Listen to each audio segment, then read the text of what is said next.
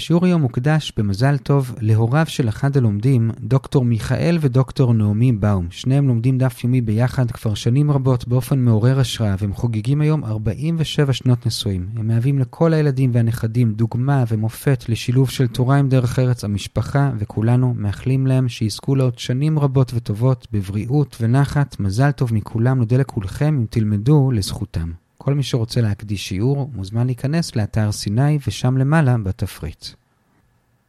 שלום לכולם, אנחנו לומדים את דף ל"ד במסכת כתובות באתר sny.org.il.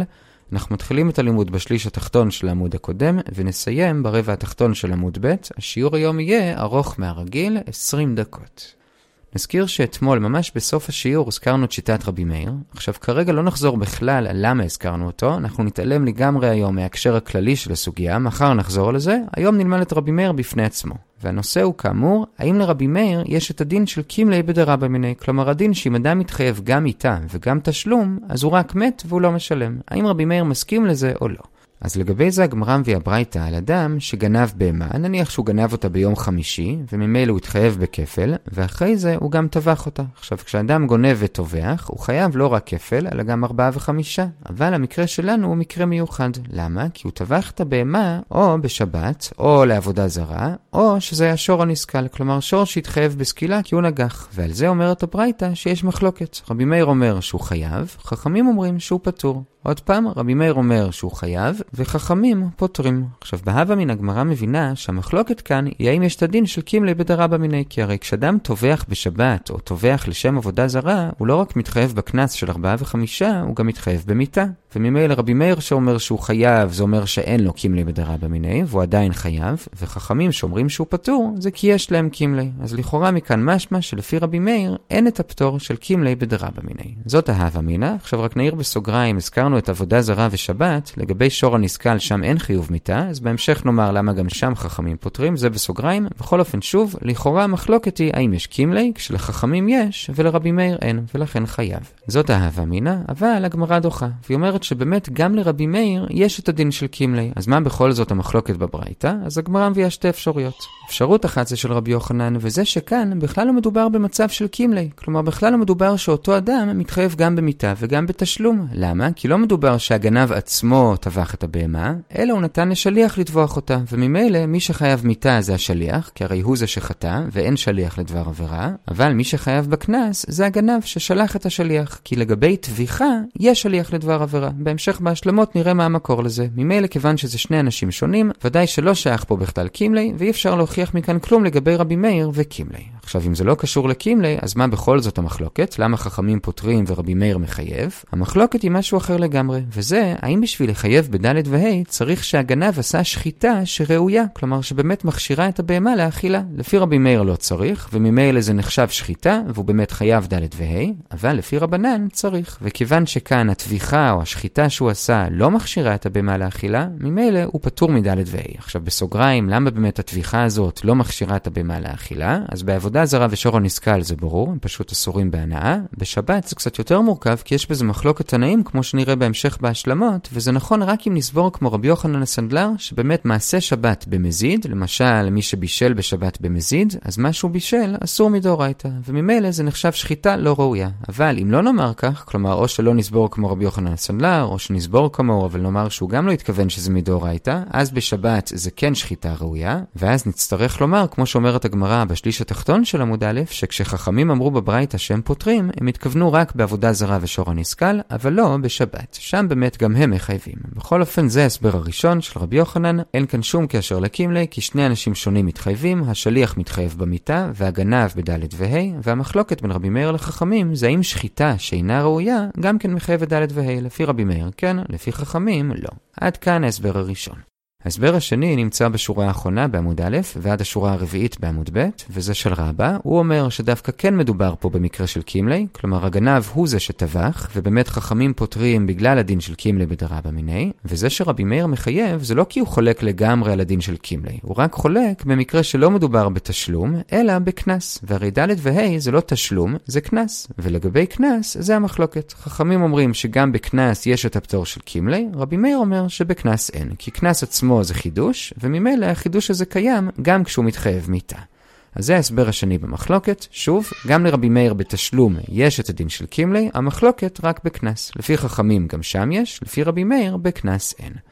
עד כאן החלק הראשון והעיקרי של השיעור, האם לרבי מאיר השכים לי? לכאורה ראינו שלא, מזה שאם אדם גנב וטבח בשבת או לעבודה זרה או לשור הנסכל, החכמים פותרים את ד' וה', אבל רבי מאיר מחייב. אבל דחינו בשתי אפשרויות, לפי רבי יוחנן, שם בכלל לא מדובר בקימלי כי הוא טבח על ידי שליח, והמחלוקת שם זה האם הוא חייב ד' וה' כשזה שחיטה שאינה ראויה. לפי רבא, באמת כן מדובר במחלוקת בקימלי, אבל רק בקנס, שבזה באמת רבי מאיר מחייב. אבל בתשלום, גם רבי מאיר מודה שיש קימלי בדרבא מיני, והוא פטור. עכשיו לסיום החלק הזה, רק נעיר בסוגריים, לפי ההסבר השני וגם לפי ההווה אמינא, שהמחלוקת כאן היא סביב קימלי, עדיין צריך להבין למה חכמים פותרים גם בשור הנסכל. הרי מי שטובח שור הנסכל לא חייב מיתה. אז כאן אפשר לומר מה שהצענו מקודם בתוך ההסבר הראשון, שכמו ששם אמרנו שאולי חכמים שפותרים התכוונו רק לשני מקרים ולא לשבת, אז גם כאן אפשר להציע שאולי חכמים התכוונו לשני מקרים, שבת ועבודה זרה, ולא לשור הנסכל. זה בסוגריים, ועד כאן כאמור החלק הראשון.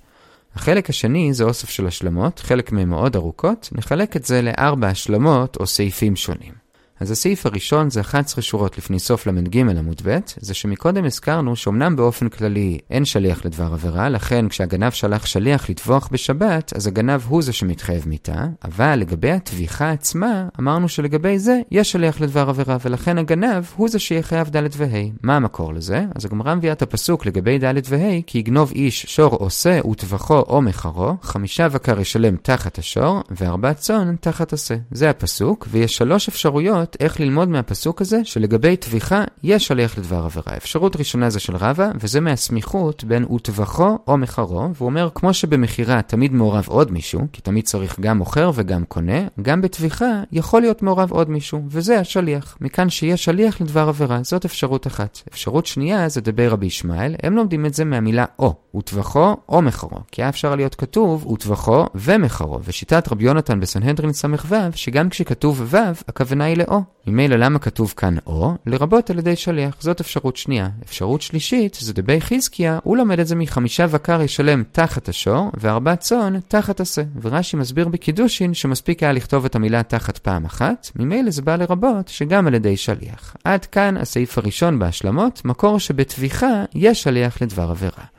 הסעיף השני זה בשורה השישית בעמוד א', הזכרנו מקודם שבשביל להסביר את ההסבר של רבי יוחנן, אנחנו צריכים להניח שמי ששוחט בשבת, אז מה שהוא שחט אסור, ואמרנו שזה מחלוקת האם זה באמת אסור, ובאיזה רמה זה אסור. אז עכשיו ניכנס לאותו דיון ונחלק את זה לשני שלבים. השלב הראשון זה שהגמרא מביאה ברייתא, לגבי מי שמבשל בשבת. ויש שלוש דעות מה הדין של האוכל. רבי מאיר, שהוא הכי מקל, רבי יהודה, ואז רבי יוחנן הסנדלר, שהוא הכי מחמיר. נאמר את הדעות לא כמו שהן כתובות בגמרא, אלא כבר כמו שרש"י מסביר אותם, ונשים שים לב שיש כאן שלושה קריטריונים האם זה יהיה מותר או אסור. אחד זה האם זה היה בשוגג או במזיד, השני זה האם השאלה היא האם זה מותר לעצמו או לאחרים, והשלישי זה מתי זה מותר, האם זה מותר מיד או רק במוצאי שבת. אלה הקריטריונים, ועכשיו נראה את שלוש הדעות. הדעה הראשונה זה רבי מאיר, הוא אומר שבשוגג מותר לכולם מיד, במזיד לעצמו אסור לעולם, גם במוצאי שבת, לאחרים מותר מיד. זה רבי מאיר. רבי יהודה מחמיר יותר, והוא אומר שגם בשוגג יש הבדל, וזה שלעצמו מותר רק במוצאי שבת, ורק לאחרים מותר מיד, וגם לגבי מזיד הוא מחמיר יותר, ואומר שלאחרים לא מותר מיד, אלא רק במוצאי שבת. זה רבי יהודה. הדעה השלישית זה רבי יוחנן הסנדלר, הוא מחמיר עוד יותר, ואומר שלעצמו אסור לעולם, בין אם זה מזיד, בין אם זה שוגג, תמיד אסור. לאחרים, אם זה שוגג מותר במוצאי שבת, אם זה במזיד, גם כן אסור לעולם. אלה הדעות, כדאי לראות את זה באתר, או בחוברת, או בתרשים, או בסרטון, שם עשינו טבלה שאז הרבה יותר ברור. לענייננו, מה שחשוב, שהיחיד שאומר שבמזיד במזיד זה יהיה אסור לכולם ולתמיד, זה רבי יוחנן הסנדלר. ממילא, כמו שאמרנו מקודם, הוא היחיד שאנחנו יכולים לומר שלשיטתו, אם מישהו טבח בשבת, זה נחשב שחיטה לא ראויה. כי לשאר השיטות זה כן ראוי באיזשהו אופן. זה שלב ראשון. עכשיו, שלב שני, גם לפי רבי יוחנן הסנדלר, שזה נחשב שחיטה לא ראויה, גם זה רק בהנחה שנאמר שזה מדאורייתא. אבל אם נאמר שזה רק קנס מדרבנן, אז מדאורייתא זה כן נחשב שחיטה ראויה, וממילא, כמו שאמרנו מקודם בחלק הראשון, לא נוכל להסביר על ידי זה למה חכמים פותרים אותו מדלת וה', כי זה כן נחשב שחיטה ראויה. עכשיו, השאלה הזאת, האם הוא אומר את זה מדאורייתא או מדרבנן, זה מחלוקת אמוראים, וזה סביב הפסוק, ושמרתם את השבת, כי קודש היא לכם. מי שאומר שזה מדאורייתא, הוא לומד מהמילה כי קודש היא, שכמו שקודש אסור, גם מעשה שבת אסור. עכשיו, בסוגריים, מהמילה לכם הוא לומד שזה דווקא במזיד. אבל בשוגג זה שלכם וזה מותר. זו דעה שזה דאורייתא. אבל כאמור, יש דעה שזה דרבנן, והם לומדים את זה מאותו פסוק עצמו. הם אומרים כי קודש היא.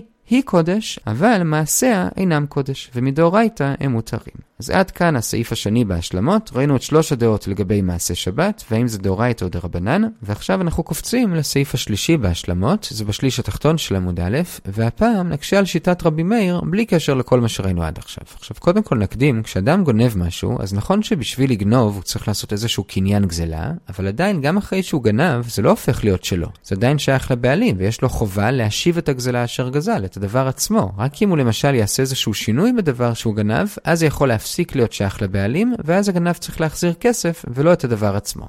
בכל אופן, לפחות בהתחלה, מה שהוא גנב עדיין שייך לבעלים. עכשיו, הדין של חיוב ד' וה' זה רק אם הוא שחט את הבהמה, כשהבהמה עדיין באמת שייכת לבעלים. עכשיו, מתוך העיקרון הזה, הגמרא מקשה על רבי מאיר. כאמור, בלי קשר לשני הסברים במחלוקת שראינו מקודם. מה הקושייה? אז כזכור, רבי מאיר אומר שאם גנב שוחט את הבהמה בשבת, או לעבודה זרה, או שזה שור הנסכל, אז בכל זאת הוא חייב ד' וה'. עכשיו, על זה שואלת הגמרא, למה בעבודה זרה ובשור הנסכל הוא חייב? הרי הבהמה הזאת כבר לא שייכת לבעלים. לבעלים. למה היא לא שייכת לבעלים? אז לגבי שור הנסכל זה ברור שהיא לא שייכת, כי שור הנסכל אסור בהנאה, ממילא זה כבר לא נחשב ממון של הבעלים, ולכן כשהוא שחט אותה, לכאורה הוא לא אמור להיות חייב ד' וה'. ואותו דבר לגבי עבודה זרה, הרי ברגע שהוא רק מתחיל לשחוט לשם עבודה זרה, אפילו שהוא רק חתך כלשהו, באותו רגע הבהמה כבר נאסרת בהנאה כעבודה זרה, וממילא כבר באותו רגע היא בעצם כבר לא ממון של הבעלים. ממילא כשהוא מסיים לשחוט, שאז הוא מתחייב בד' וה', הרי הבהמה כבר לא שייכת לבעלים, היא כבר אסורה. ממילא לכאורה גם שם הוא לא אמור להיות חייב ד' וה'. זאת הקושייה על רבי מאיר לגבי עבודה זרה ושור הנסכל, למה הוא חייב? הרי זה לא שייך לבעלים.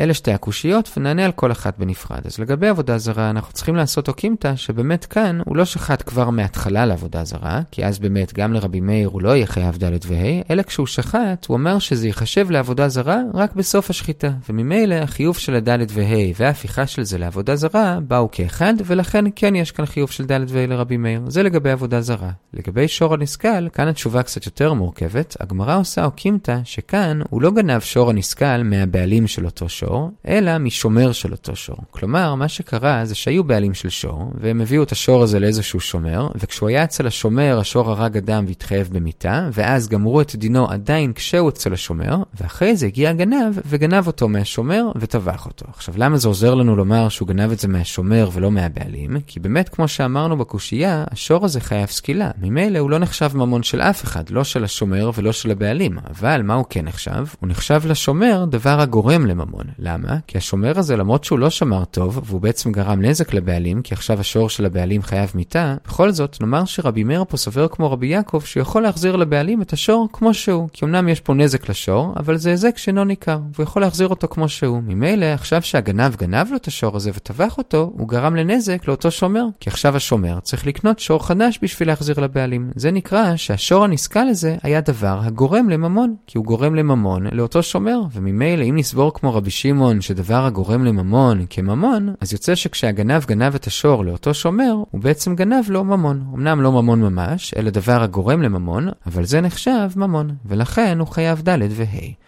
זה ההסבר לגבי שור הנסכל. עכשיו, כאמור, זה בעצם בנוי על שתי הנחות שצריך לקבל אותן, גם כרבי יעקב שהשומר יכול להחזיר את השור כמו שהוא, וגם כרבי שמעון שדבר הגורם לממון כממון דמי. ממילא, אם נחזור לרגע בסוגריים למה שהקשינו בחלק הראשון, אם נאמר שכל המחלוקת היא סביב קימלי בדרבא מיני, למה רבנן פותרים גם בשור הנסכל, הרי שם לא שייך קימלי בדרבא מיני, אז מקודם הצענו שאולי שם הם באמת לא פותרים, אבל עכשיו, לפי מה שראינו כרגע, אפשר לומר שבזה הם פותרים, פשוט כי הם חלוקים על אחת מההנחות שעכשיו אמרנו לגבי האם הבעלים יכול להחזיר לו את השור כמו שהוא, ולגבי האם דבר הגורם לממון באמת כממון, ומספיק שיחלקו על אחת מהנחות בשביל לומר שאין כאן ד' וה'. זה היה בסוגריים לגבי רבנן, ועד כאן הסעיף השלישי בהשלמות, למה רבי מאיר מחייב ד' וה' בעבודה זרה ובשור הנסכל.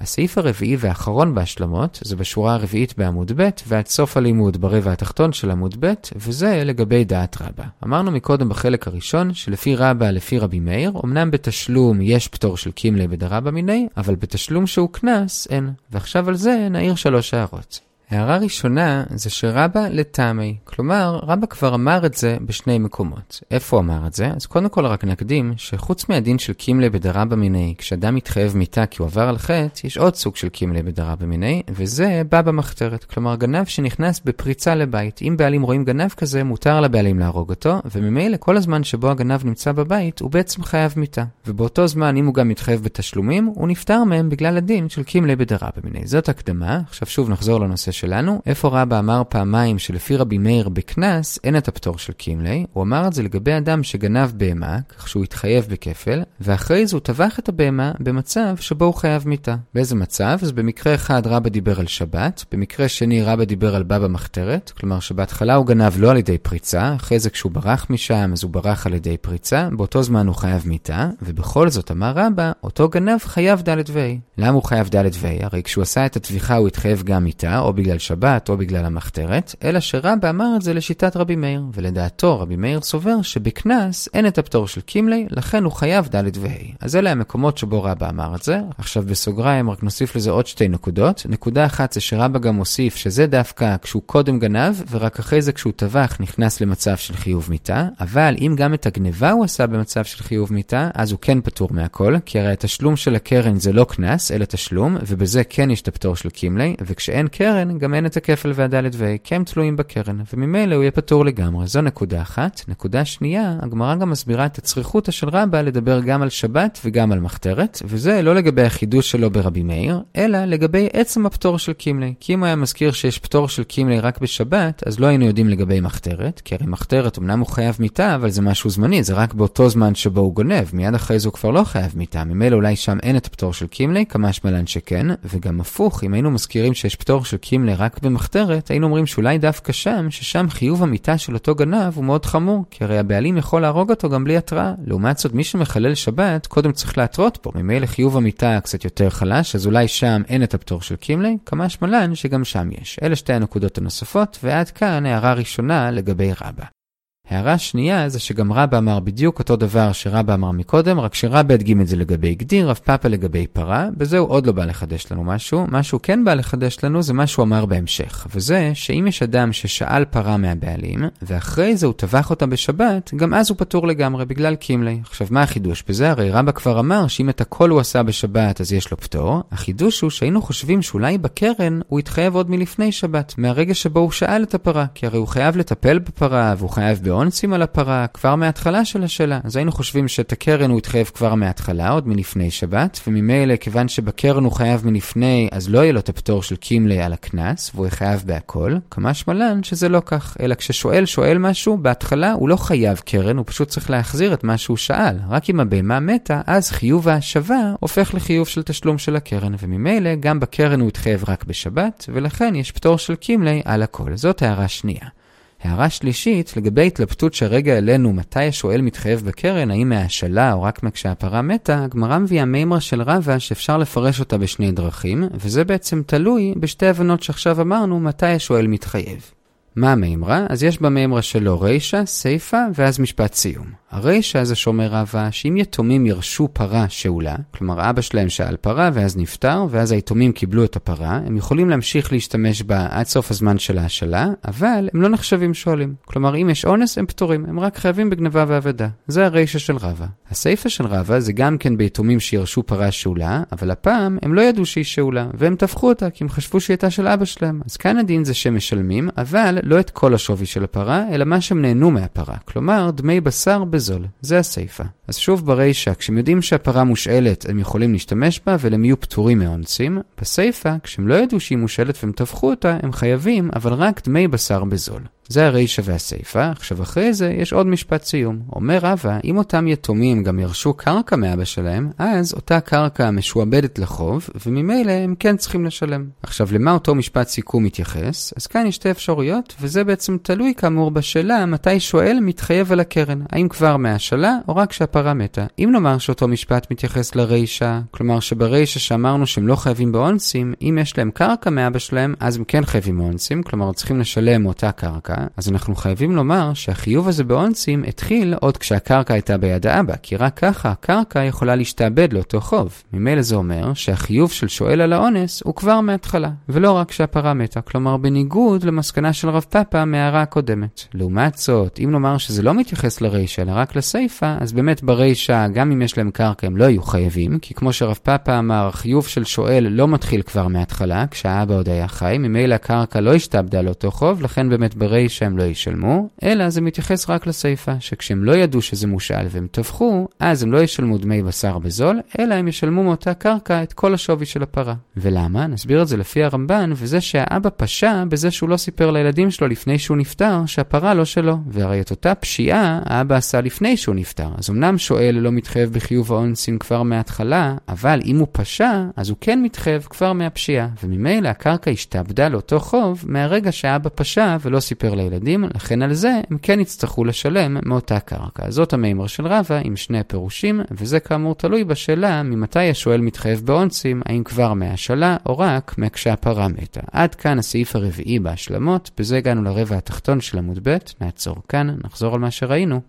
חילקנו היום את השיעור לשני חלקים. בחלק הראשון דיברנו על רבי מאיר, האם יש לו קימלי בדרבא מיני, וזה סביב ברייתא של אדם שגנב וטבח בשבת או לעבודה זרה, או שזה שור הנסכל. חכמים פותרים מד' וה', אבל רבי מאיר מחייב, ולכאורה המחלוקת זה לגבי האם יש קימלי. לחכמים יש, לרבי מאיר אין. אבל הגמרא דחתה והציעה שתי אפשרויות אחרות. אפשרות אחת זה של רבי יוחנן שהוא טבח על ידי שליח, וממילא השליח מת, והמשלח הוא זה שחייב ד' וה', ולכן זה לא קשור לקימלי, אלא המחלוקת היא האם יש ד' וה' בשחיטה שהוא לא ראויה, כלומר היא לא מכשירה את הבשר באכילה, כי עבודה זרה ושור הנסכל אסורים בהנאה, בשבת זה גם אסור לפי רבי יוחנן הסנדלר בהנחה שזה דאורייתא, לכן חכמים פותרים, אבל רבי מאיר חולק ומחייב, זאת אפשרות אחת. אפשרות שנייה של רבא זה שבאמת הם כן חלקו לגבי קימלי בדרבא מיני, אבל כולם מסכימים שבתשלום יש פטור של קימלי, המחלוקת היא לגבי קנס, שלפי רבי מאיר כאן אין, ולכן הוא חייב, לפי חכמים הוא פטור. זה היה החלק הראשון. בחלק השני ראינו אוסף של השלמות לחלק הראשון. הסעיף הראשון היה המקורות לזה שבטביחה יש שליח לדבר עבירה. רבא למד את זה מהסמיכות בין וטבחו למכורו. דבר רבי ישמעאל למדו את זה מהמילה או, וטבחו או מכורו. דבי חזקיה למדו את זה מתחת השור, תחת השה, אחד מהם מיותר. זה היה הסעיף הראשון. בסעיף השני דיברנו על מעשה שבת, ראינו שלוש שיטות. רבי מאיר אומר שבשוגג זה מותר לכולם מיד, במזיד לא זה אסור לעולם, לאחרים זה מותר מיד. רבי יהודה מחמיר יותר, ולגבי שני מקרים שרבי מאיר מקל, הוא מחמיר שזה יהיה מותר רק בשבת, וזה בשוגג לא, ובמזיד לאחרים. ורבי יוחנן הסנדלר מחמיר עוד יותר, ובשוגג לא אסור לעולם, לאחרים מותר רק במוצ"ש, במזיד לכולם אסור לעולם. עכשיו, את אותה דעה שבמזיד לכולם אסור לעולם, יש שתי דעות באמוראים, האם זה מדאורייתא או לא. מי שאומר שכן לומד את זה מקודש היא, כמו שקודש אסור, מי שאומר שלא,